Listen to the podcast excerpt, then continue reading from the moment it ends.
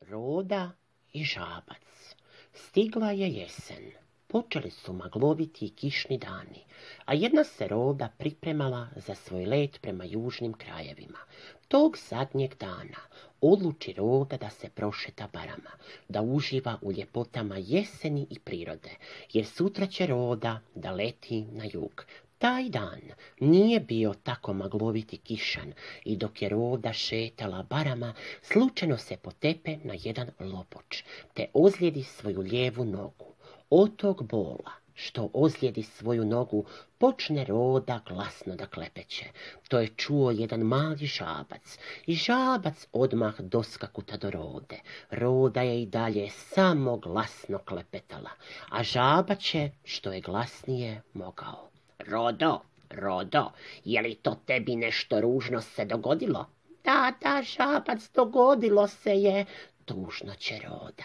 A što to, Rodo, se strašno dogodilo? Možeš meni slobodno da kažeš? Šetala sam se žabac, jer sutra letim na jug i sada sam upravo ozlijedila lijevu nogu. Joj, Rodo, žao mi je zbog tebe. Mogu li da ti pomognem možda? Pa to je krasno tebe, žabac, radosno će Roda. A kako mi misliš pomoći? Samo se smiri, Rodo, budem ja našao rješenje. Žabac će Rodi. Dobro, dobro, žabac, budem se smirila, da ti možeš naći rješenje i ja budem mogla da letim na jug. Zato ti, Rodo, samo me čekaj tu, a ja se vraćam što prije mogu.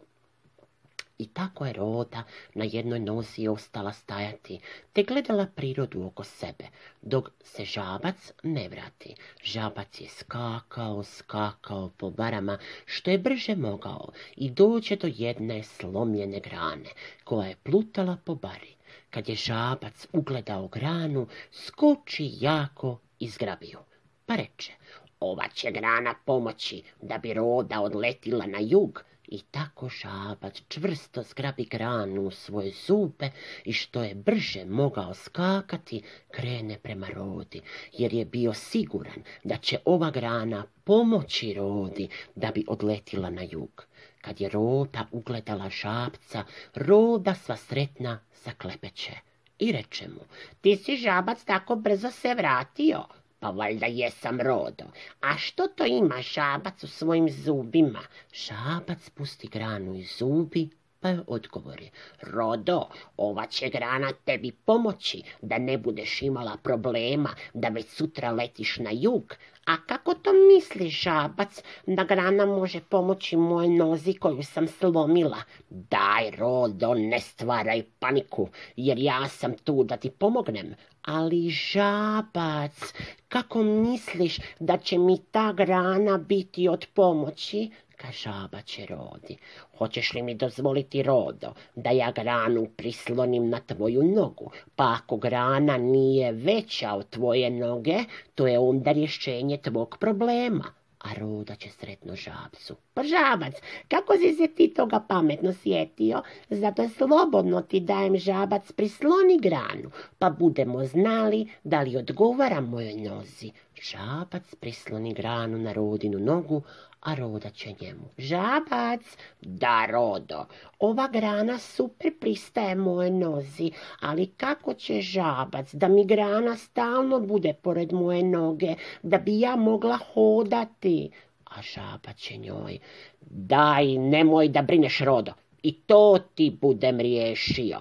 I žabac u baru jednu nogu zagrabi što je dublje mogao, te izvadi barske trave. Te reče Rodi, ti, Rodo, sada samo lagano opusti svoju nogu, pa ja budem granu zavezao ovom travom, a ti se budeš osjećala kao da tvoja noga ni ozlijeđena nije. I Roda posluša što je žabac kaže. Ka nakon toga Roda će žabcu. Pa žabac, ti si pravi genijalac. Žabac se od tih rodinih riječi sav zacrveni. Će Rodi. Ma sve pet Rodo. Drago mi je što sam ti riješio tvoj problem, a kad Rodo ti letiš na jug, sigurno već sutra idem žabac, a mogu li te još nešto zamoliti žabac? Da, Rodo, samo reci, zato što si prema meni bio fer. Ja te budem uzela u kljun i stavila na leđa, pa mi praviš društvo sve do jutra, kad letim na jug, i Rota skrabi žabca u svoj kljun, kad ga je stavila na leđa, upita ga. Kako se osjeća žaba sad na mojim leđima? Pa moram ti reći, Rodo, da mi je jako ugodno. Zato mi sa žabac idemo, da se još družimo sve do jutra. A dobro, dobro, Rodo, neka bude kako ti kažeš. I Rota je polako hodala po barama, nosila žabca na svojim leđima, pa su tako njih dvoje polako kroz priču se upoznali, pričajući jedno drugom viceve i šale. Roda je žabcu obećala kako će pričati mnogim rodama, da nije žabca malog genijalca, ona ove jeseni ne bi ni mogla da leti na jug, a žabac ju upita. Rodo, da li te tvoja noga još boli? Ma ne, ne boli me žabac, jer zbog tebe moja noga sad je kao nova a meni je Rodo baš super na tvojim leđima. Kad je tako žabac moram ti reći da smo nas dvoje sretno stigli do bare i tu je moje gnjezdo gdje ja živim. Dobro Rodo, i što će sada biti? Nemoj da se brine žabac, za tebe ništa strašno ne bude se dogodilo, zato što si bio prema meni fer, a tako i dobar. A moja je želja da sa mnom dočekaš jutro kad budem poletjela na jug. Dobro, Rodo, a gdje ću ja da spavam? Pa na mojim leđima budeš spavao žabac i nemoj da te ništa brine. U redu, Rodo, kad ti tako kažeš a Roda će njemu. Jer vidi žabac da polako pada mrak. Vidim, Rodo, vidim. A da li te možda boli tvoja noga, Rodo? Nemoj da se brine žabac, sa mojom nogom sve je u redu i to zbog tebe. Ako treba žabac, ja budem stajala na nogama sve do jutra, jer si ti to zaslužio. Pa Rodo, to je lijepo i hrabro od tebe. I ti si žabac isto hrabar i lijep. I daj molim te žabac, nemoj da te više ništa brine, već samo uživajmo zajedno. Ti i ja, još ovu noć, jer za mene je sutra jako važan dan. Dobro, Rodo, kad ti tako kažeš. A kako je Rodo vama tamo na jugu? Moram ti reći, žabac, da nam bude lijepo i krasno, koji po ljetu ovdje. A što ćeš ti žabac kad dođu hladni dani? A sigurno se Rodo bude negdje zavukao sve do proljeća. Pa tako su Roda i žabac cijele noći samo pričali i pričali. Kad je stiglo novo jutro, žabac će Rodi. Boli li te tvoja noga, Rodo? Ne, žabac, čak ne osjećam da sam ju povrijedila, a jesi ti dobro, žabac? Ma ja sam super rodo, jer na tvojim leđima je ko na oblacima. Pa baš ti hvala, žabac, i roda sva zaklepeće od sreće. Žabac ju upita, rodo, boli li te tvoja noga? Pa zar ti nisam rekla da me ne boli žabac, a da probam da ti maknem granu s noge, možda te je prošla tvoja noga. Možda to nije dobro, žabac, znaš da letim na jug. Daj, Rodo, ne stvaraj paniku. Ako ne probamo, onda ni ne znamo. Ali žabac, ako me noga bude opet boljela, ti znaj da si zato kriv. Žabac će rodi. Rodo, pristajem na to. I skine žabac granu rodi s njene noge.